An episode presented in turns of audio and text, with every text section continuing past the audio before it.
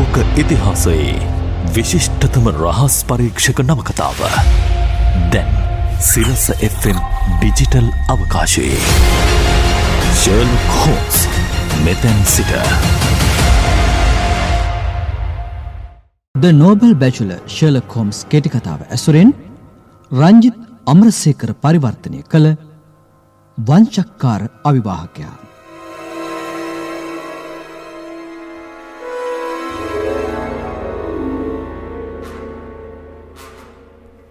Zen Simon සාමිවරයාගේ විවාහය අවසන් වුණු අන්දම.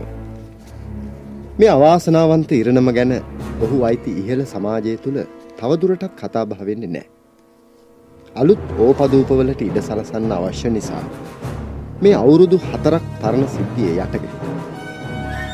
මම හිතන විදියට මේ සිද්ධිය ගැන තවමත් වැඩි දෙනෙක් හරියට දන්නේ නෑ. මේ ප්‍රශ්නය නිරාකරණය කරන්න මුල්ලුනෙත් මගේ මිත්‍ර ශර්ලොක් හෝම්ස්. වැස්ස සුළඟ දෙක තදින් පැවතුණු ගිම්හාන ඉර්තුවට අයිති ඒ දවසේ ලියුම් බෙදන්න ආවෙත් හොඳටම ප්‍රමාද වෙලා.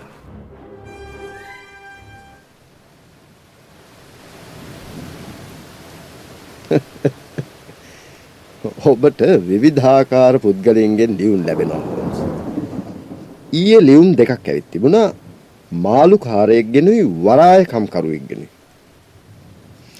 ඔව් මට ලැබෙන ලියුම් වල විවිධත්වයක් තියෙනවා. සාමාන්‍ය පුද්ගලයන්ගෙන් ලැබෙන ලියුම් තමයි වඩාත් රසවත්. මේ ලියුම නම් මොකක් හරි ආරාධනාවක් වෙන්න ඕනේ. උත්සවයකට හරි රැස්වීමකට හරි. ආ මේක නම් මගේ උනන්දු ඇති කරන විදිහ ලියුමක්. එහෙමනම් අර කිව්ව විදිහ එකක් නෙමෙයි. නැහැ නෑ. තනිකරම රාජකාරියුම.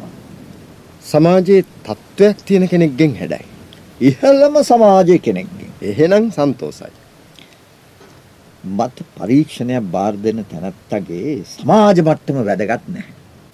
මට වැදගත් වෙන්නේ අදාළ පරීක්ෂණය කොයිතරම් දුරට මගේ උනන්දුව රඳව ගන්න සමත්ද කියන එක විතරයි.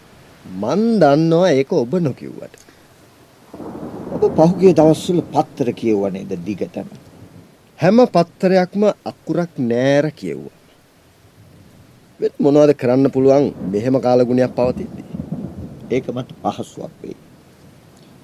මම පත්තරයක් ගත්තාම කියවන්නේ අපරාධ ගැන විස්තරයි. දුක් ගැනවිලි තීරයයි විතරයි. මගේ වෘත්තියට අදාළ වෙන්නේ ඒ දෙක විතරයි. කියවනවා විතරක් නෙමෙයි. ඔබ ඒවා කපල අලවලත් තියාගන්නවනේ. ඔව්. ඒකත් අවශ්‍යයි.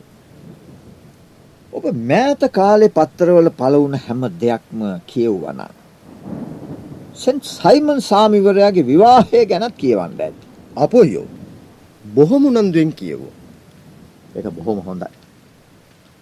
මම මේ අතේ තියාගෙන ඉන්න ලියුම සයිමන් සාමිවරයාගෙන් ලැබුණු එකක්.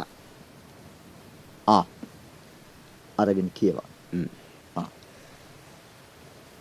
හිතාදර මිස්ටර් ෂර්ලොක් හෝම්ස් වෙතටයි. ඔබ කෙරෙහි පූර්ණ විශ්වාසය තබා කටයුතු කරන ලෙස බැක්වෝට සාමිවරයා මට පවසයි. එබැවින් මගේ විවාහය සම්බන්ධයෙන් උද්ගත වුණු අතිශයින්ම කනගාටුදායක තත්ත්වය පිළිබඳව ඔබ හමුවී ඔබගේ උපදෙස් ලබාගනු කැමැත්තෙමි. දැනට මේ පිළිබඳව කටයුතු කරන ස්කොට්ලන්ඩ් යාඩ්හි ඉන්ස්පෙක්ටර් ලෙස්ට්‍රේඩ් මීට ඔබගේ මැදිහත්වීම පිළිබඳව විරුද්ධත්වයක් නොදක්වන අතර එය ප්‍රයෝජනවත්වයේ යන අදහස දරයි.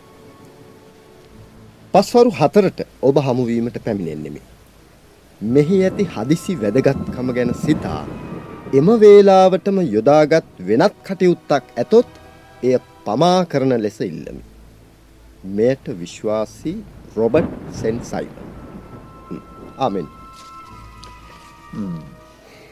ඔව්. ලියලා තියෙන්නේ ග්‍රෝන මෙන්ෂන් මන්දිරයේදී. පාවිච්චි කරලා තියෙන්නේ පිහාට් පෑන. සාමිවරයා මෙය ලියද්දී දකුණු අතේ සුළඟිල්ලේ පිටිපස්සේ තීන්තක් ගාගෙන තියෙනවා. හතර නම් තව සුළු වෙලාවයි තියෙන්නේ. ඔව්. ඒ අතරතුර ඔබ මේ ගැන පත්තරේ පළුණු විස්තර දින අනුව පිළිවෙලට තියාගන්න. මම සෙන් සයිමන් කොහොම කෙනෙක්ද කියලා හොයලා බලන්න. හ්ම්. හ්ම්. ආ. හ්ම්. ආ මේ තියෙන්නේ රොබර්ට් වෝල්සින්හැම් දිවේ සෙන් සයිමන් බැල්මොරාල් ආධිපාදවරයාගේ කනිෂ්ඨ පුත්‍රයාය. අටසිය හතලිස් හයේදී. වයස හතලිස් එක. එක යන්න විවාහ වෙන වයස පහුවෙන්ඩත් ඇවි. යටත් විජිතයක සහකාර ලේකම්පරයකු ලෙස සේවය කර ඇත. ඔහුගේ පියාවන ආධිපාදවරයා වරක් විදේශ කටයුතු ලේකම් තනතුර දැරීය. ටිව්ඩ පෙළපතට නෑකම් කියයි. දිග හැල්ලක්. ඒ විස්තරවලින් මට ඒ හැටි ප්‍රයෝජනයක් නෑ. මොනද වොට්සන් ඔබ ළඟ තියෙන තොරතුරු. ඔන්න මම පිළිවෙලින් කියන්න. ඔව්. මුලින්ම මෝනිින් පෝස්ට් පත්තරේ පෞද්ගලික තොරතුරු තීරයේ සති ගන්නකට කලින් මෙන්න මේ ආරංචිය පළ වෙලා තියෙනවා. විවාහ යෝජනාවක්. බැල්මොරල් ආධිපාදවරයාගේ කනිටු පුත් රොබට් සෙන් සයිමන් සාමිවරයා ඇමරිකාවේ කැලිෆෝනියාවල සැන් ෆ්‍රැන්සිස්කෝ නගරයේ ඇලෝසියස් ඩොරාන් මහතාගේ එකම දියණිය වූ හැටි ඩොරාන් මෙනවිය සමග නුදුරු අනාගතයේදී විවාහ වීමට නියමිතය. ඔව්. අවශ්‍ය දේ බොහෝම ලුහුඬින් කියලා තියෙනවා. ඒ සතියෙම සමාජ තොරතුරු පත්තරයක මේ ගැන විස්තර ඇතුව ලියවිලා තියෙනවා. මේ තියෙන්නේ කොහොමද? කියන්න. විවාහ වෙළඳ පොලේ දැනට පවත්නා නිදහස් ආර්ථික ප්‍රතිපත්තිය නිසා දේශීය භාණ්ඩවලට බලවත් පාඩුවක් සිදුවන බැවින් ආරක්ෂක පියවරක් ගැනීමට සිදුවනු ඇත. මහා බ්‍රිතාන්‍යයේ වංශවතුන්ගේ නිවෙස්වල පාලනය ක්‍රමක්‍රමයෙන් අත්ලාන්තික් සයුරින් එතර සිටින අපගේ ලඳ බොළඳ ඥාති සොයිරියන් වෙත පැවරෙන බව පෙනේ. පසුගිය සතියේ මෙම සිත්ගන්නා සුළු ආක්‍රමණිකයෝ තවත් ජයග්‍රහණයක් අත්පත් කරගත්හ. විසි වසරකට වැඩි කාලයක් අනංග හීසැරවලට මුහුණ නොදී මගහැර සිටි සෙන් සයිමන් සාමිවරයා දැන් තමා කැලිෆෝනියානු කෝටිපතියෙකුගේ දියණිය වූ මනමෝහනීය රූ සපුවකින් යුත් හැටි ඩොරාන් මෙනවිය හා විවාහ වන බව ප්‍රකාශ කර ඇත. තම මනා රූ සපුව නිසා බොහෝ දෙනෙකුගේ අවධානයට ලක් වූ ඩොරාන් මෙනවිය පවුලේ එකම දරුවා බැවින් ඇයට හිමි දායාදය ඉතා විශාල මුදලක් වනු ඇතැයි විශ්වාස කෙරේ. බැල්මොරාල් ආධිපාදවරයාට පසුගිය වසර කිහිපය තුළදී තම වටිනා චිත්‍ර විකුණා දැමීමට සිදු වූ බවද සෙන් සයිමන් සාමිවරයා බර්ච්මුවහි කුඩා වතුයාය හැරෙන්නට අන්දේ පලකට හිමිකම් නොකියන බවද රහසක් නොවන බැවින් මෙම විවාහයෙන් වාසි සැලසනුවේ කැලිෆෝනියානු උරුමක්කාරියට පමණක් නොවන බව පැහැදිලි. ඉවරද? ඉගහැල්ල. වෙන මොනවද තියෙන්නේ? තව කොතෙකුත් විස්තර තියෙනවා. මෝර්නිං පෝස්ට් පත්තරේ තියෙනවා හැනෝව චතුරස්‍රයේ සෙන් ජෝස් දේවස්ථානයේදී නිහඬ විවාහයක් පැවැත්වෙනවාය ආරාධනා කරන්නේ කිට්ටුම හිතවතුන් හය දෙනෙකුට විතරක්ය විවාහයෙන් පස්සේ නවයුවල ඇලෝසියස් ඩොරාන් මිලදී ගත්ත ලැන්කැස්ටර් ගේට්වල විශාල මන්දිරයට පදිංචියට යනවයි කියලා. වෙන දවස් දෙකකට පස්සේ ඒ කියන්නේ ගිය බදාදා කෙටි ප්‍රවෘත්තියක් තියෙනවා. විවාහය සිද්ධ වුණාය පීටර්ස් ෆීල්ඩ් වල බැක්කෝට සාමිවරයාගේ නිවසේ මදු සමය ගත කරනවායි කියලා. මනමාලි අතුරුදහන් වෙන්න කලින් මේ ගැන තියෙන්නේ ඔච්චරයි. මනමාලි මක් වෙන්න කලින් කිව්වා? ඇය අතුරුදහන් වෙන්න කලින්. කවදද එතකොට ඇය අතුරුදහන් වුනේ? මංගල උදේ ආහාරය ගන්න අතරතුර. හැබෑට මම හිතුවට වඩා මේක රසවත්. හරියටම නාට්‍යයක් වගේ. ඔව්. අසාමාන්‍ය සිද්ධියක් වගේ මටත් එකපාරටම තේරුණා. සාමාන්‍යයෙන් මේ වගේ අතුරුදහන් වීම සිද්ධ වෙන්නේ විවාහ උත්සවයට කලින්. ඉඳ හිට මදු සමය ගත කරන අතරෙත් එහෙම වෙනවා. ඒත් මේ වගේ දෙයක් ගැන ඇහුවමයි. වෙන මොනවද ලියවිලා තියෙන්නේ? හැබැයි හැම වාර්තාවක්ම අසම්පූර්ණයි. හොඳයි. අපි ඒවා සම්පූර්ණ කරන්න උත්සාහ කරමු. ඊයේ උදේ පත්තරයක බොහෝම කෙටි වාර්තාවක් තියෙනවා. මම කියවන්න. ආ කියවන්න බලන්න. විවාහය අතරමඟ අසාමාන්‍ය සිදුවීමක්. තම විවාහය සම්බන්ධයෙන් ඇති වූ පුදුමාකාර මෙන්ම වේදනාකාරී සිද්ධි නිසා සෙන් සයිමන් සාමිවරයා බලවත් චිත්ත වික්ෂෝපයකට පත් වී ඇත. විවාහය සිදු වූයේ ඊයේ වුවද ඒ සමගම පැතිරී ගිය දූෂමාන ආරංචි පිළිබඳව ස්ථිරව යමක් පැවසිය හැකිව ඇත්තේ දැන්ය. මෙම නිහඬ විවාහයට සහභාගි වූයේ දෙපසේ ඊටාම කිට්ටු ඥාතීන් කිහිප දෙනෙකු පමණකි. විවාහයෙන් පසු මෙම පිරිස උදේ ආහාරය ගැනීමට නියමිතව තිබූ ලැන්කැස්ටර් ගේට්හි ඇලෝසියස් ඩොරාන් මහතාගේ නිවසට සම්ප්‍රාප්ත වූ.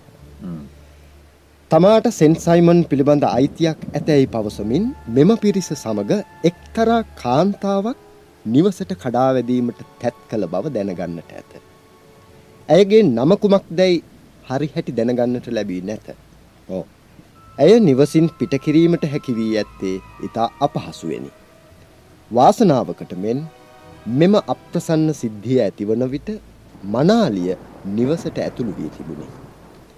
ඇය උදය ආහාරය ගැනීම සඳහා වාඩි වුවත් ආහාර ගැනීමට පෙර තමාට අසනීප බව පවසා සිය කාමරයට ගොස් ඇත.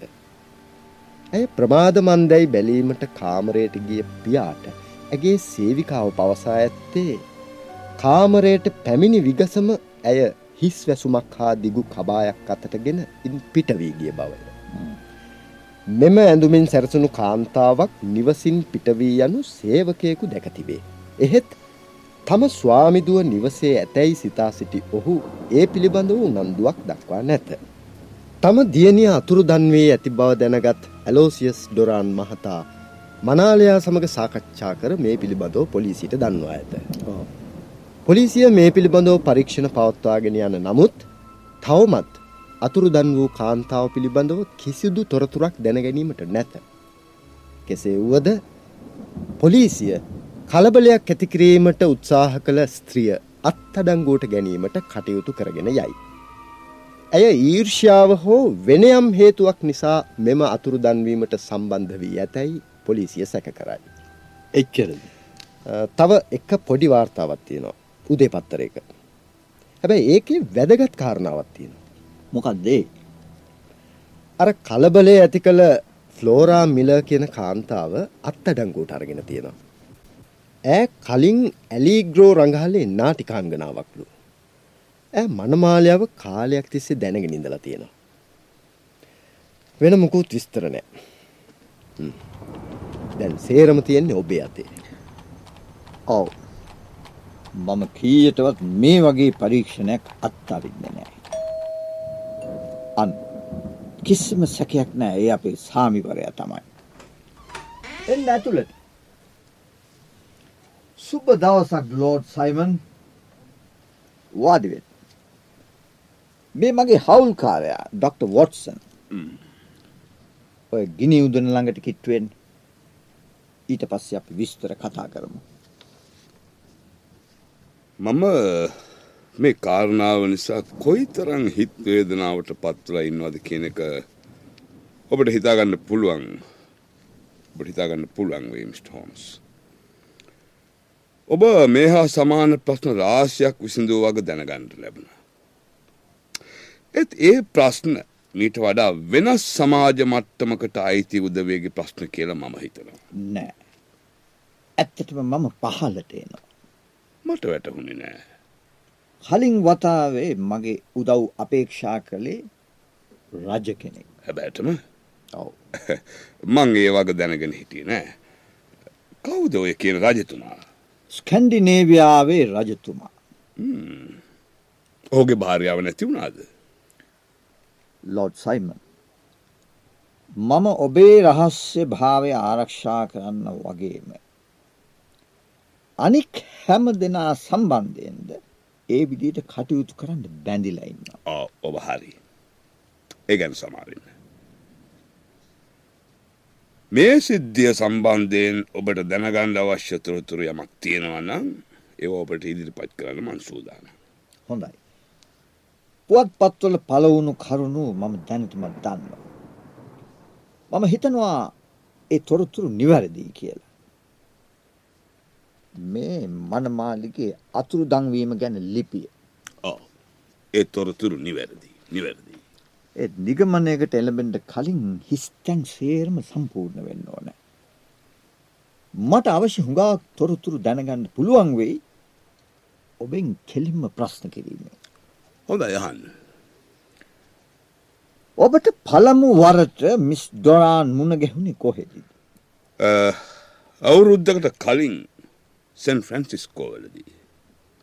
ඔබ එක්සත් ජනපද්දේ සංචාරක යෙදුන. ඔව ඔබ එහිදී විවාහගි විස ගත්තද. නෑ. ඒත් මිත්‍රකමක් ඇති වෙලා තිබුණ. මම ඇගේ ආශ්‍රය ප්‍රිය කළා. ඇත් ඒ වග දැනගෙන හිටියා. ඇගේ පියා විශාල පොහොසතේ.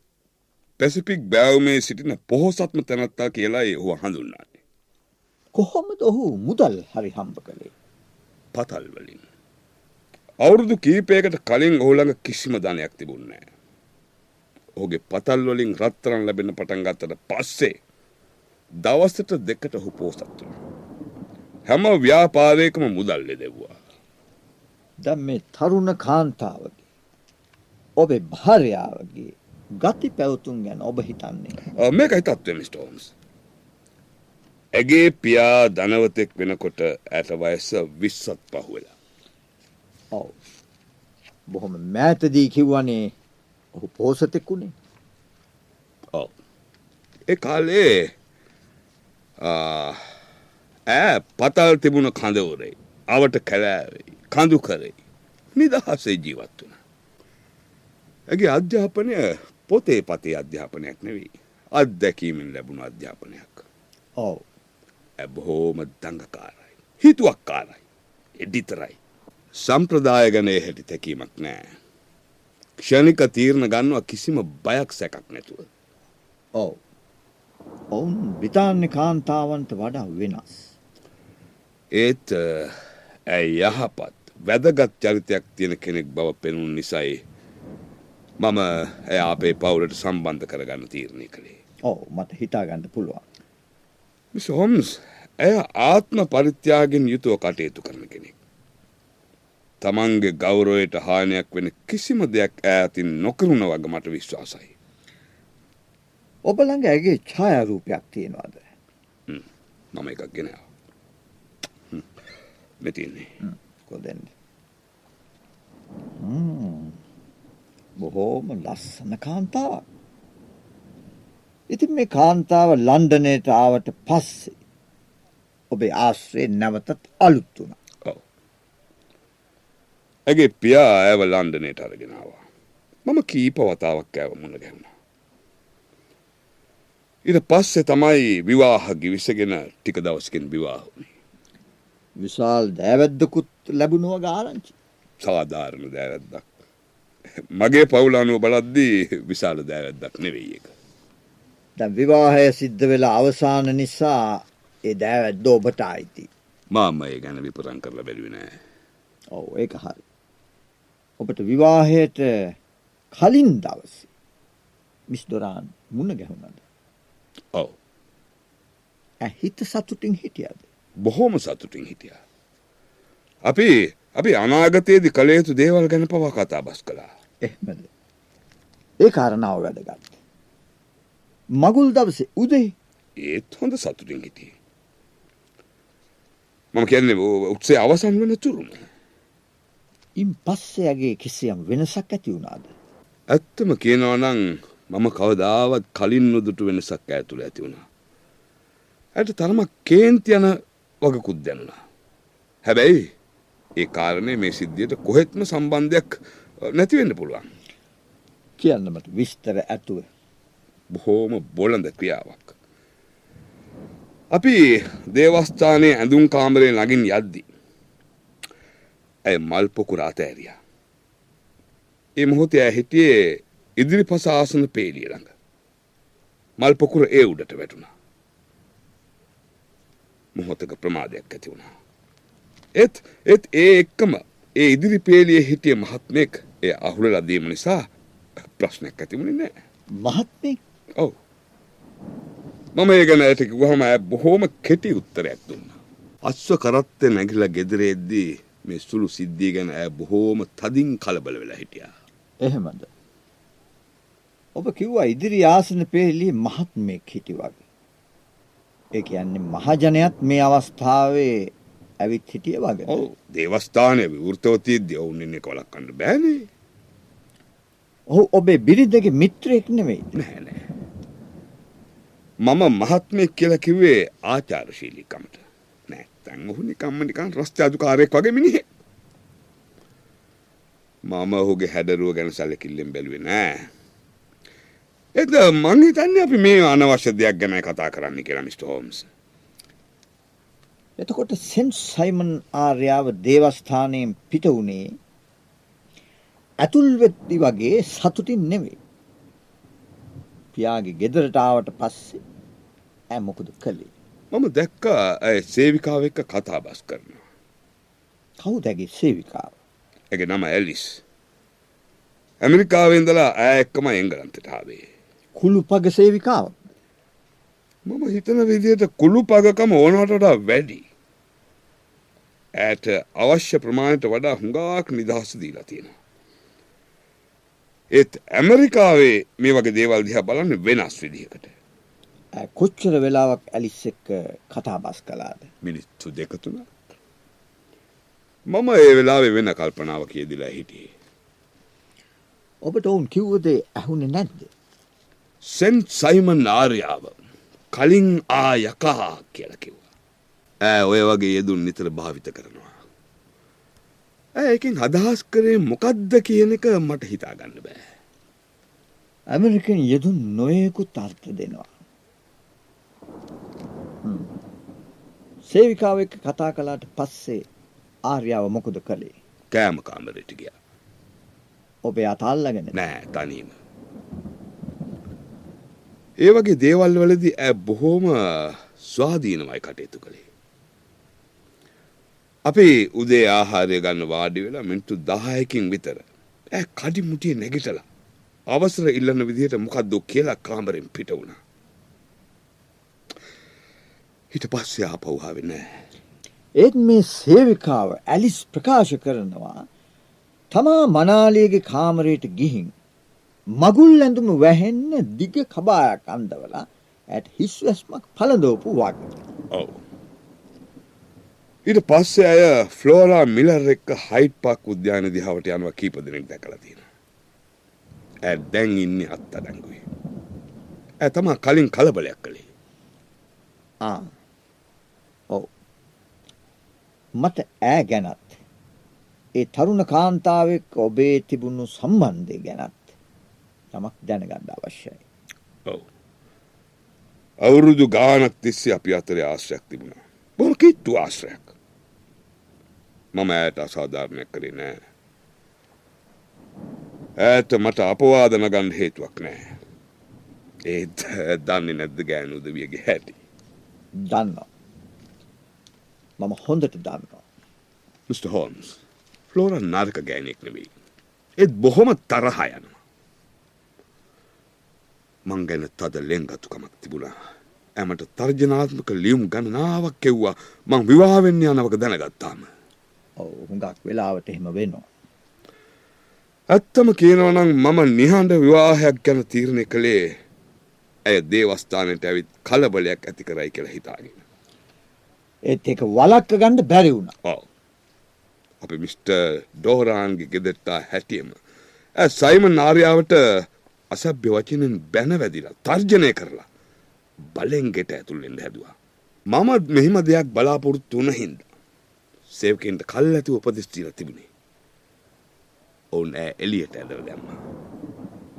කෑමොර ගැහීමෙන් වැඩක් නැති වගේ දැනගත්තහම ඇ නිශ්ශබ්ද වුණා. මේවා ඔබේ බිරින්දගේ කනට වැඩුණද. වාසනාවට එහෙම වුණේ නෑ. ඒත් පස්සේ ඇය ඒ ගෑනු කෙනත් එක්කම එකට ගමන් කරනවා දැක ගණ්ඩ ලැබුණා. ඒ නිසා තමා ඉන්ස්පෙක්ටර් ලෙස්ට්‍රේට් කලබල වෙලා තියෙන. ඔහු හිතන්නේ ෆ්ලෝරා මගේ බිරිඳ රවට්ටගෙන ගිහින් ඇ භයානක උගලක පැටලෙව්ව කියලා. ඔව් එහෙමත් අනුමාන කරන්න පුළුවන්. ඔබත් එහෙම හිතනවාද? මම කිව්වේ නෑ ඒක වෙන්න හුඟක් ඉඩ තියෙනවා කියලා. ඔබ වුණත් එහෙම හිතනවාද? මම හිතන්නේ නෑ ෆ්ලෝරාගෙන් කුරා කූඹියකටවත් අනුතුරක් වෙයි කියලා. ඒත් ඊර්ෂ්‍යාවට කෙනෙක්ව සම්පූර්ණයෙන්ම වෙනස් කරන්න පුළුවන්කම තියෙනවා. හොඳයි. මේ සිද්ධ වුණු දේ ගැන ඔබ දරන මතය මොකක්ද? මම ඔබේ මතය දැනගන්නාව මිසක් මතයක් ඉදිරිපත් කරන්නාව නෙවෙයි මිස්ටෝම්ස්.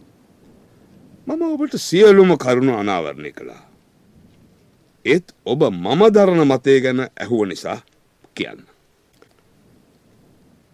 මම හිතන්නේ මේ සුළු කාලය තුළ ඇයට මුහුණ දෙන්න සිද්ධ වුණ අසාමාන්‍ය තත්ත්වය නිසා ඇ ස්නායු ආබාධයකට ලක්වෙන්න ඇතැයි කියන එකයි. කොටින් කියනවනං ඇ බලවත් අවුලකට පත් වෙලා. මම කියන්නේ ඇගේ මේ පිටු පෑම. මට නෙමෙයි වෙන හුඟ දෙනෙකුට කොයිතරම් උත්සාහ කළත් ලබාගන්න බැරි.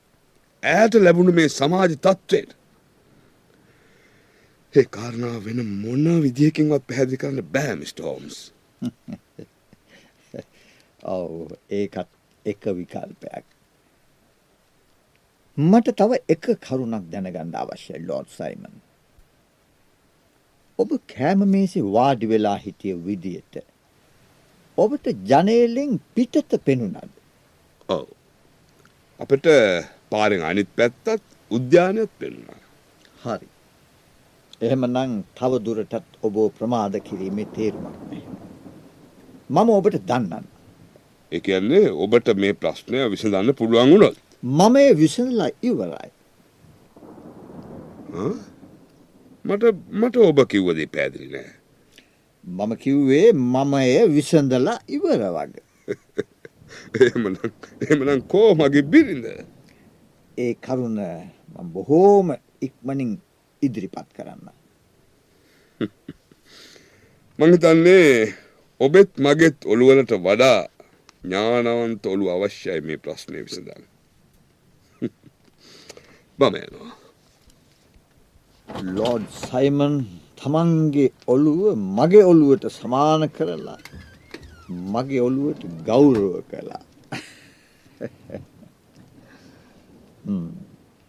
දැන් අවශ්‍ය විස්කී සෝඩයි සුරුප්පුකු. මම මගේ නිගමනයට එළඹුණේ ලෝඩ් සයිමන් මේ කාමරයට එන්ඩත් කලින් මොනවා?